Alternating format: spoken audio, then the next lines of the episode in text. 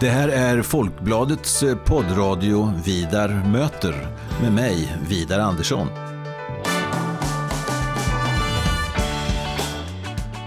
Jag är eh, chefredaktör på Folkbladet och jag är också ansvarig för Folkbladets ledarsida som eh, skrivs utifrån en oberoende socialdemokratisk hållning.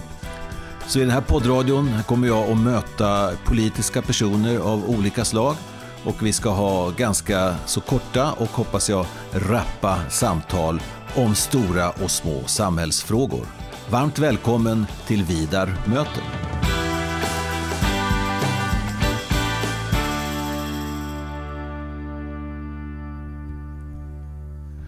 Varmt välkommen till Vidar möter, Gunnar Strömmer. Tack så mycket. Mm. Du är partisekreterare för Moderaterna.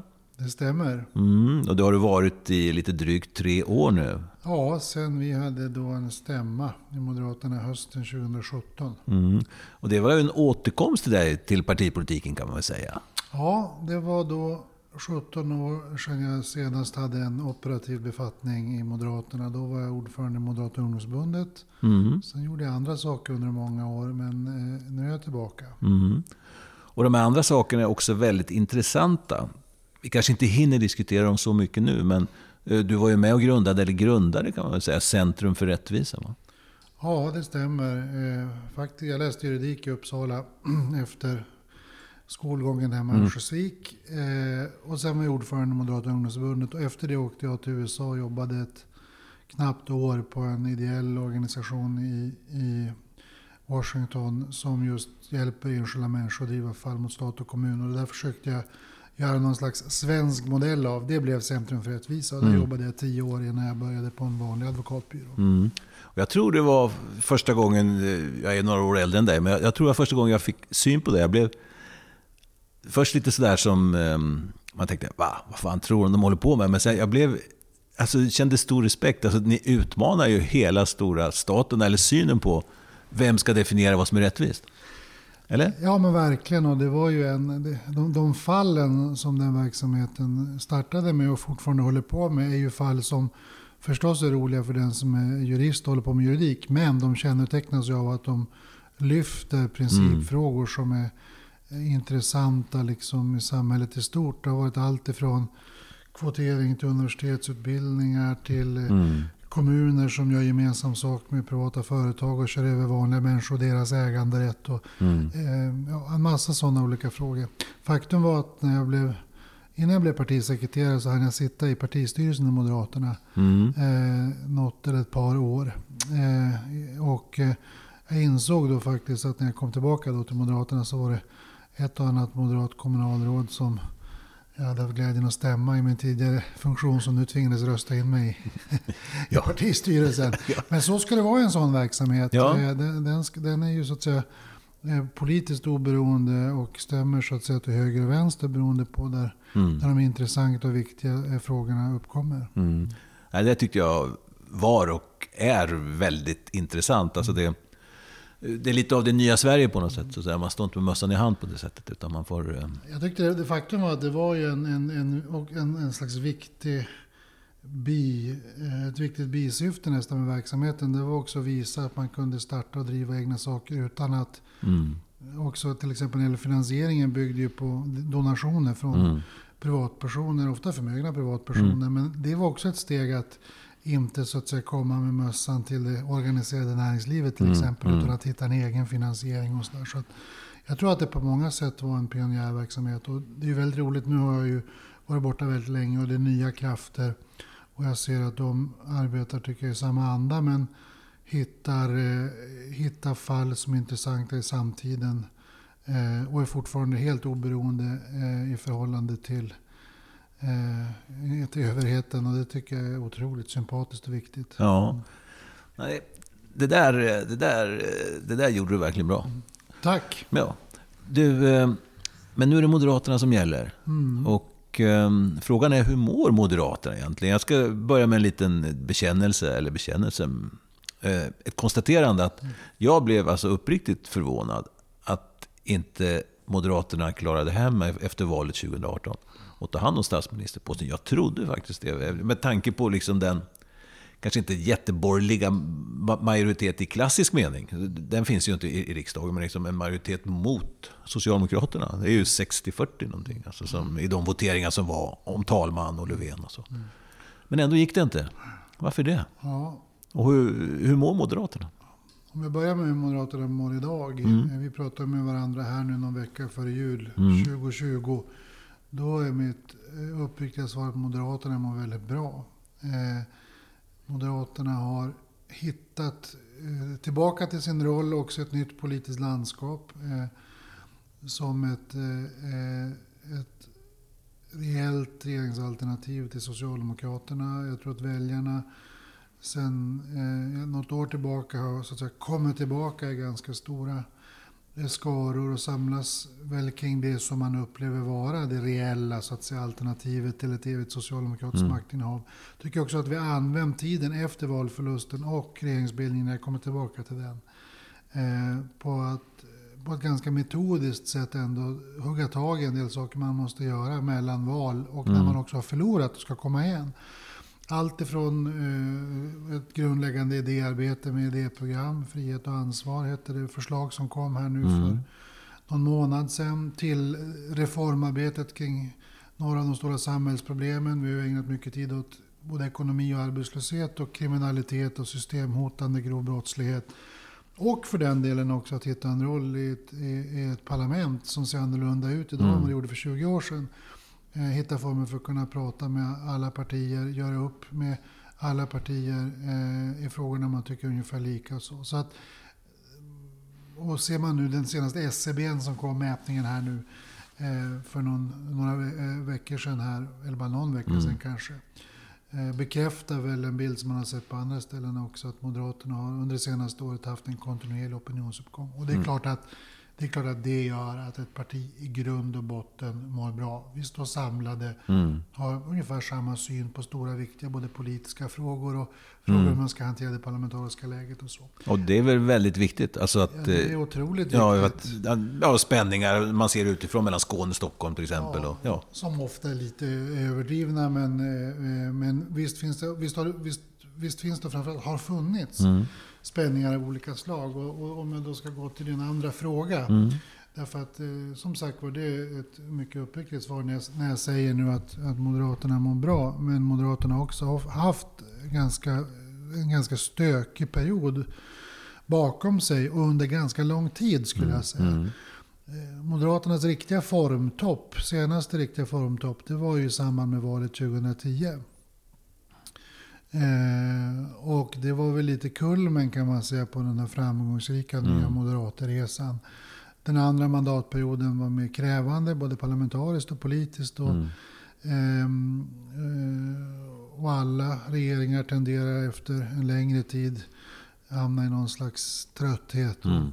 kanske om inte motsättningar så i alla fall någon slags inre, inre slitningar och så och, och partiledaravgång och partiledarskifte och tror jag en, en stor stress av att inte längre vara regeringspartiet. Alltså det är en sån stor mm. skillnad som jag märkte nu när jag kom tillbaka.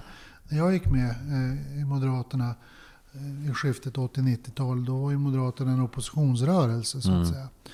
Eh, många som kom med under 2000-talets början gick ju med i en så att säga, regerande rörelse. Mm. Eh, och det är ju någonting annat. Och det tror jag stressade också en stor del av partiet under den förra mandatperioden. Mm. Sen kom valet eh, efter ännu ett partiledarskifte och eh, tappat väljare till Sverigedemokraterna på invandrarfrågan, tappat väljare till Centerpartiet som eh, väljare som var oroliga för om ett, vad ett närmande till Sverigedemokraterna skulle mm. betyda. Mm. Det här var ju förra mandatperioden. Lyckades på något sätt ändå samla ihop akten eh, och klara hem ett valresultat som absolut var ett sämre valresultat än förra valet, men likväl runt det moderata historiska snittet på 20. Mm. Regeringsbildningen då, eh, som kom efter det. Eh, jag förstår din fråga, eh, eller din utgångspunkt. Mm, mm. Jag tror ganska många hade den. Jag tror att, jag tror att många aktiva eh, och ledande socialdemokrater hade också den utgångspunkten. Mm. att eh, Det här kommer inte att gå. Det här kommer Nej. inte att gå. Nej. Ehm, och då kan man fråga sig varför gick det inte? Ehm, och det är klart att vi har haft anledning att rannsaka vårt sätt att hantera frågan. Kunde vi gjort någonting annorlunda mm. som gjorde att det här landade på ett annat sätt? Eh, och du kan hitta enskildheter i olika faser under den här hösten. Eh, eh, men vi säkert kunde ha gjort saker och ting annorlunda i samtalen med de andra borgerliga partierna och så. Men om man tittar på vilken fråga som slutligen ändå avgjorde det här. Mm. Så var ju det eh, den frågan att eh, en borgerlig regeringsbildning efter valet 18 hade behövt Sverigedemokraternas röster för mm. att träda till, eller i varje fall inte motröster så att mm. säga. Eh, och att det är klart att under den här mandatperioden måste man få en majoritet för sin politik. Och om inte Socialdemokraterna ska ha veto, mm. Både över en regeringsbildning och varje budget, så måste man i alla fall ha en option att få stöd från något annat håll. Mm.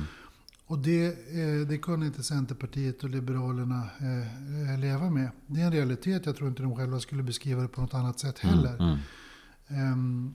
Och det märktes redan från starten eh, efter valet.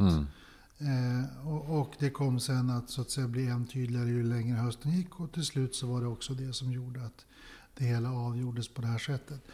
Eh, och summan av den kardemumman eh, är väl den att det som gjorde att vi inte var beredda att exempelvis söka en regeringssamverkan med Socialdemokraterna. Det kan man naturligtvis säga var ett alternativ, eller i varje mm. fall var det någonting som, som eh, andra borgerliga partier ville se. Mm. Eh, och det var kort och gott detta med en decemberöverenskommelse, erfarenhet i färskt minne. Eh, och en överenskommelse som skulle innebära att Sverigedemokraterna blev det enda parti som skulle kunna hävda med säkerhet mm. att vill du verkligen veta att din röst inte är en röst på en socialdemokratisk regering, mm. du måste rösta på oss. Mm. Det kan inte Moderaterna eh, eh, bjuda på. Mm. Så summan av kardemumman var, vi vill inte att S skulle ha vetat en borgerlig regeringsbildning. Det, det, kunde andra leva med och då blev det som det blev. Mm. Eh, och sen blev det en ordentlig baksmälla på det. Mm. Eh, jag menar, vi förlorade eh, den regeringsbildningshösten. Mm. Det råder ingen tvekan om. Mm. Eh, och kommer man ihåg våren 19 så var det också eh, en krävande vår för, för Moderaterna. Men så kom ett Europaval. Mm. Där vi faktiskt gjorde vår första nationella valframgång på över nio år. Ja. Och sen samlade partiet ihop sig runt vår partistämma ungefär för ett år sedan. Och har sen arbetat tillsammans efter en ganska enkel strategi. Eh, som har gjort att syret har kommit igen. Vi är tillbaka på den plats vi vill vara i svensk politik. Mm. Och nu med så att säga en bit in i andra halvlek av mandatperioden så, så känner vi oss optimistiska om framtiden. Mm. Jag såg du skrev på din Facebook-sida här eh, under hösten någon gång i samband med att ni presenterade det här idéprogrammet du nämnde, Frihet och ansvar, så var det lite en diskussionstråd där. Och var någon som hade några undringar om nya och gamla moderater. Och då sa du ungefär så här att nej, det är inga nya och det är inga gamla, utan det är Moderaterna här och nu. Mm. Ja. Och det, det, har varit en, det, det, har varit en viktig del av det här. Eh, det är inte för att, så att säga, göra upp med vare sig det ena eller det andra. Utan det är för att förena, mm. både och. Mm. Oavsett om du har kommit med i Moderaterna som medlem eller aktiv eller väljare på 70-talet eller 80-talet mm. eller 90-talet, 00-talet, 10-talet eller till och med 20-talet. Mm så ska vi hitta en, ett sammanhang som man kan känna sig hemma i. Mm. Därför tror jag att ett sånt här idéprogramsarbete, eh, ibland brukar man säga att processen är viktigare, eller ofta brukar man säga mm. att processen är viktigare än slutresultatet. Här tror jag faktiskt att det kan vara lite tvärtom, eller i varje fall mm. både och. Eh, givet det som Moderaterna har varit igenom under något decennium och vart vi nu liksom ska kom, ja, vart vi ska vara på väg. Mm. Så är det rätt viktigt att samla ihop laget. Och med laget menar jag både de aktiva och sympatisörerna, vännerna, väljarna. Mm. Och visa, här är våra grundläggande värderingar. De är vägledande för oss framåt. Och de här står vi alla bakom. Mm.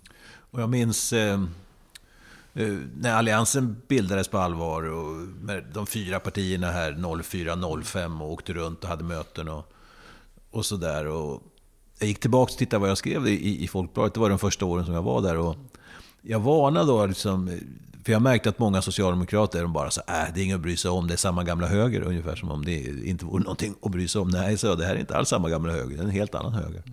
Och den här kommer att, att knipsa det här. Liksom. Och, ehm, men frågan är, vad är det för, vad är det för höger nu? Alltså, bör Socialdemokraterna vara oroliga? Eller? Jag tänkte ju säga, frågan är vad du kommer att skriva nu då framöver eh, när det gäller det som händer nu. Mm. Det blir intressant att se. Eh, jag uppfattar att, att Moderaterna modell 2020-2021 eh, har förenat det bästa från olika eh, så att säga, resor som Moderaterna har gjort under de senaste mm. decennierna. Eh, och nu formulerar sig för att ta hand om de samhällsproblem som ligger framför Sverige det kommande decenniet eller kanske till och med de kommande decennierna. Mm. Om jag ska ta fasta på en otroligt viktig erfarenhet från nya moderatresan så var det mycket förhållningssättet till politiken. Då talade, såg man att Moderaterna var besatta av Socialdemokraterna. Mm. Att varje dag på jobbet handlade om att respondera på ett pressmeddelande från Sveavägen eller Rosenbad, mm. där ju sossarna satt. Ehm, eh, och att, att sluta förhålla sig till andra partier och istället identifiera vad är de stora samhällsfrågorna, mm. de stora samhällsproblemen, det som i slutändan påverkar människors vardag. Där måste ett framtidsinriktat eh, parti med självförtroende vara. Mm. Och eh, i Moderaternas fall då, eh, så räcker det inte med att se samhällsproblem och exploatera dem så att säga. Eller exploatera en opinion. Utan anspråket på oss är ju att också leverera svar på hur de här problemen kan lösas. Mm. Och hela det förhållningssättet det försöker vi implementera, eller rätt sagt hålla fast vid. Mm. Men sen är det också uppenbart att samhällsproblemen idag, de stora utmaningarna eh, för Sverige de kommande 10-20 åren, är ju i varje fall delvis annorlunda än de som eh, då gäller det här första decenniet på 2000-talet. Mm. Eh, vissa saker är överlappande. Jag tror till exempel att frågor om ekonomi, arbetslöshet, jobbskapande, mm. utanförskap, att de kommer att göra en stor comeback. Mm. Det har legat strukturellt under en längre tid men nu får det en, dessvärre en turboutveckling på grund av pandemin och lågkonjunkturen och så. Så jag tror att för första gången på länge, eller många val, så kommer ekonomi och jobb vara viktiga valfrågor. Mm. Ehm, och därför ägnar vi mycket tid åt det. Men det är också uppenbart att frågor om migration, eh, en integration som inte har fungerat mm.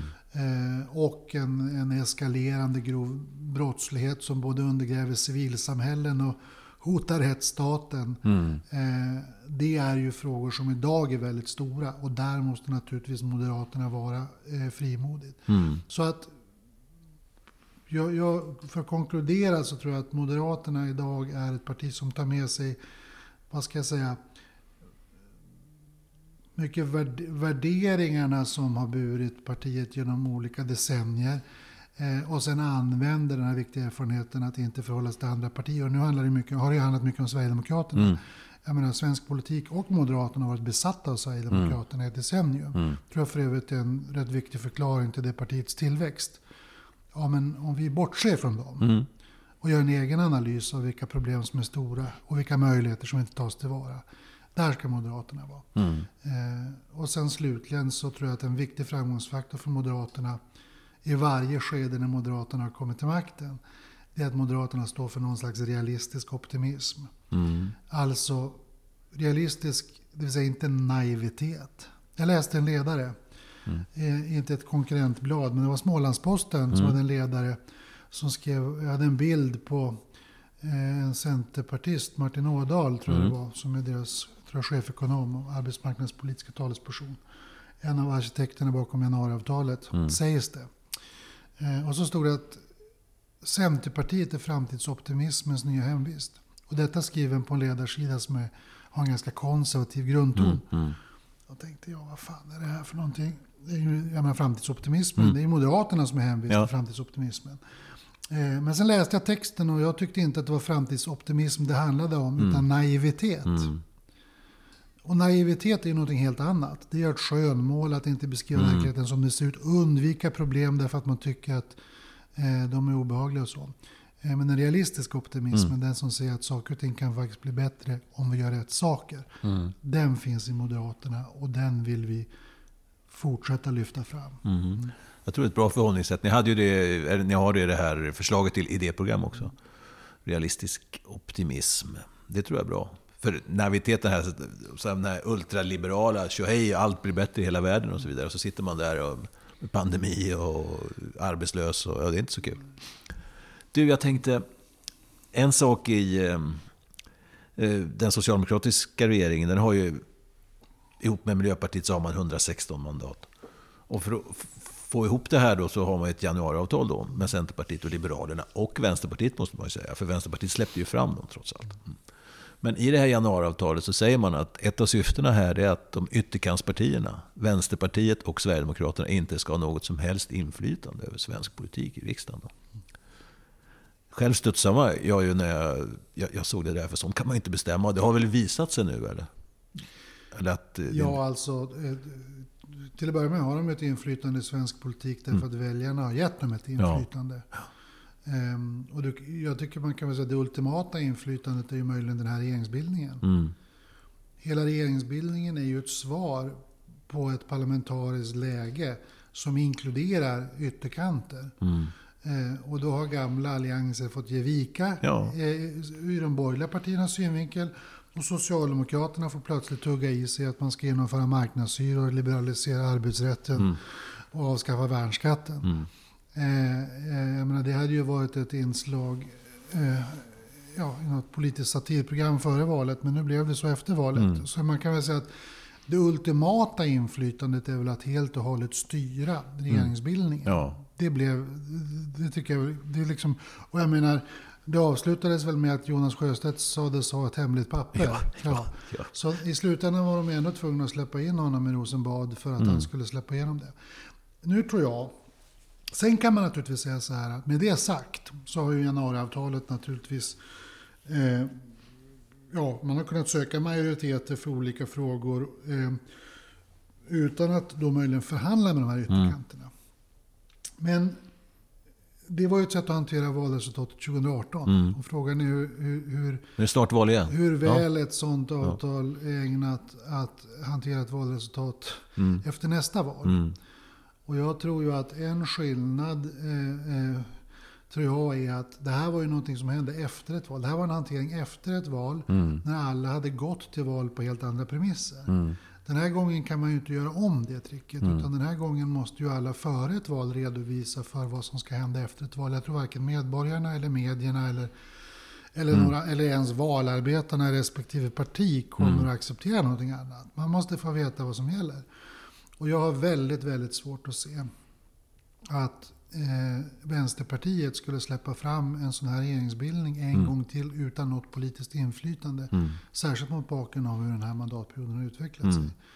Um, så att det där är väl en, jag, jag, tror, i den bemärkelsen tror jag att det här är en parentes. Um, med det sagt så ska ju ingen lägga sig platt.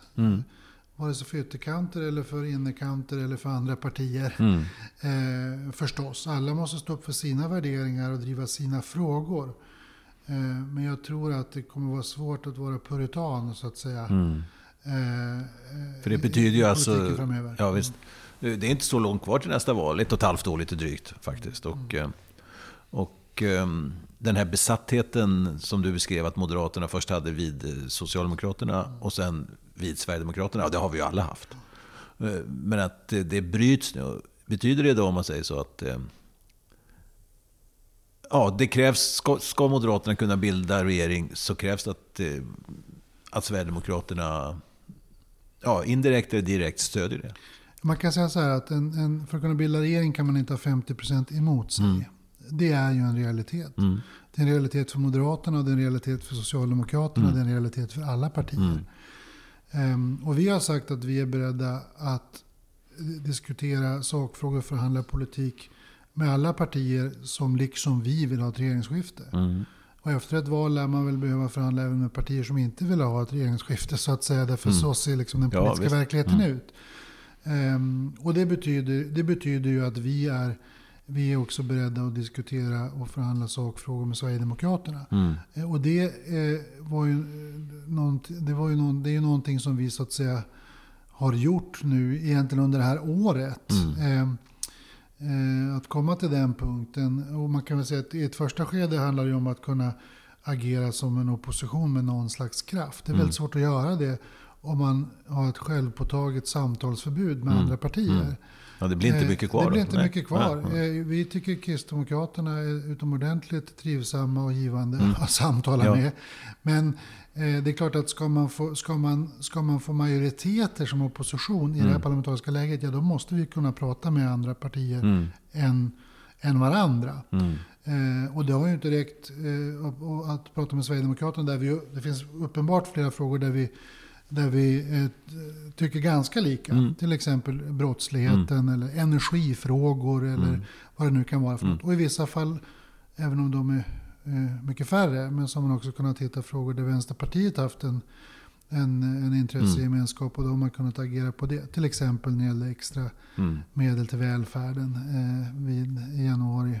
Mm. I år har man nästan glömt bort. Det har varit pandemi och ja. allt möjligt emellan. Men där i januari, februari i år så var det ju ändå visst tryck i svensk mm. politik. Mm. Eh, när det visade sig att eh, just det, den här regeringen är ju faktiskt en minoritetsregering. Mm. Jag tycker att eget demokratiskt värde att mobilisera så att säga, en majoritet i olika sakfrågor för att påminna en minoritetsregering om att ni är alltså inte i majoritet. Och ytterst är det riksdagen som bestämmer. Mm, absolut, för riksdagen är ju de folkvalda. Och um, ändå första statsmakten. Och att, att det syns och, och hörs, det, är ju, det ser jag bara som en styrka för demokratin. Och då får en regering anpassa sig till det. Du, vi har bara någon minut kvar här, men vi samlas här den 16 december och vi har precis fått det första betänkandet av Coronakommissionen. Framförallt kring den, den stora omfattande äldredöden. Och, eh, det, man lyfter ju verkligen ansvarsfrågorna upp på piedestalen där det bör vara. Vad, vad tror du, vad kommer den att leda till, den här diskussionen? Är det för tidigt att säga någonting lite kort om det? Så ansvarsfrågorna i pandemin. Jag tycker att Coronakommissionen har agerat med hög integritet. Det är min bild. Mm. Eh, och den har inte väjt för några svåra frågor. Eh, och det tycker jag eh, det, tyck, det är utomordentligt. Det är det som är hela poängen med oberoende granskningar. Och vi har haft mm. några sådana historiskt i Sverige. Mm. Eh, efter tsunamikatastrofen exempelvis. Mm och andra också. Eh, som, som har varit viktiga faktiskt för vårt land när det gäller att både bearbeta någonting som har gått snett mm. men också hitta vägar framåt. Jag tycker det första man, om man bara får tala om liksom mm. substansen här, så tar de ju fasta på att det, det, det, som verkligen skiljer ut Sverige är ju den stora smittspridningen i samhället. Mm. Eh, att andelen äldre Eh, som avlidit i Sverige inte är större än andelen i andra länder. Men antalet är så oerhört många fler. Mm.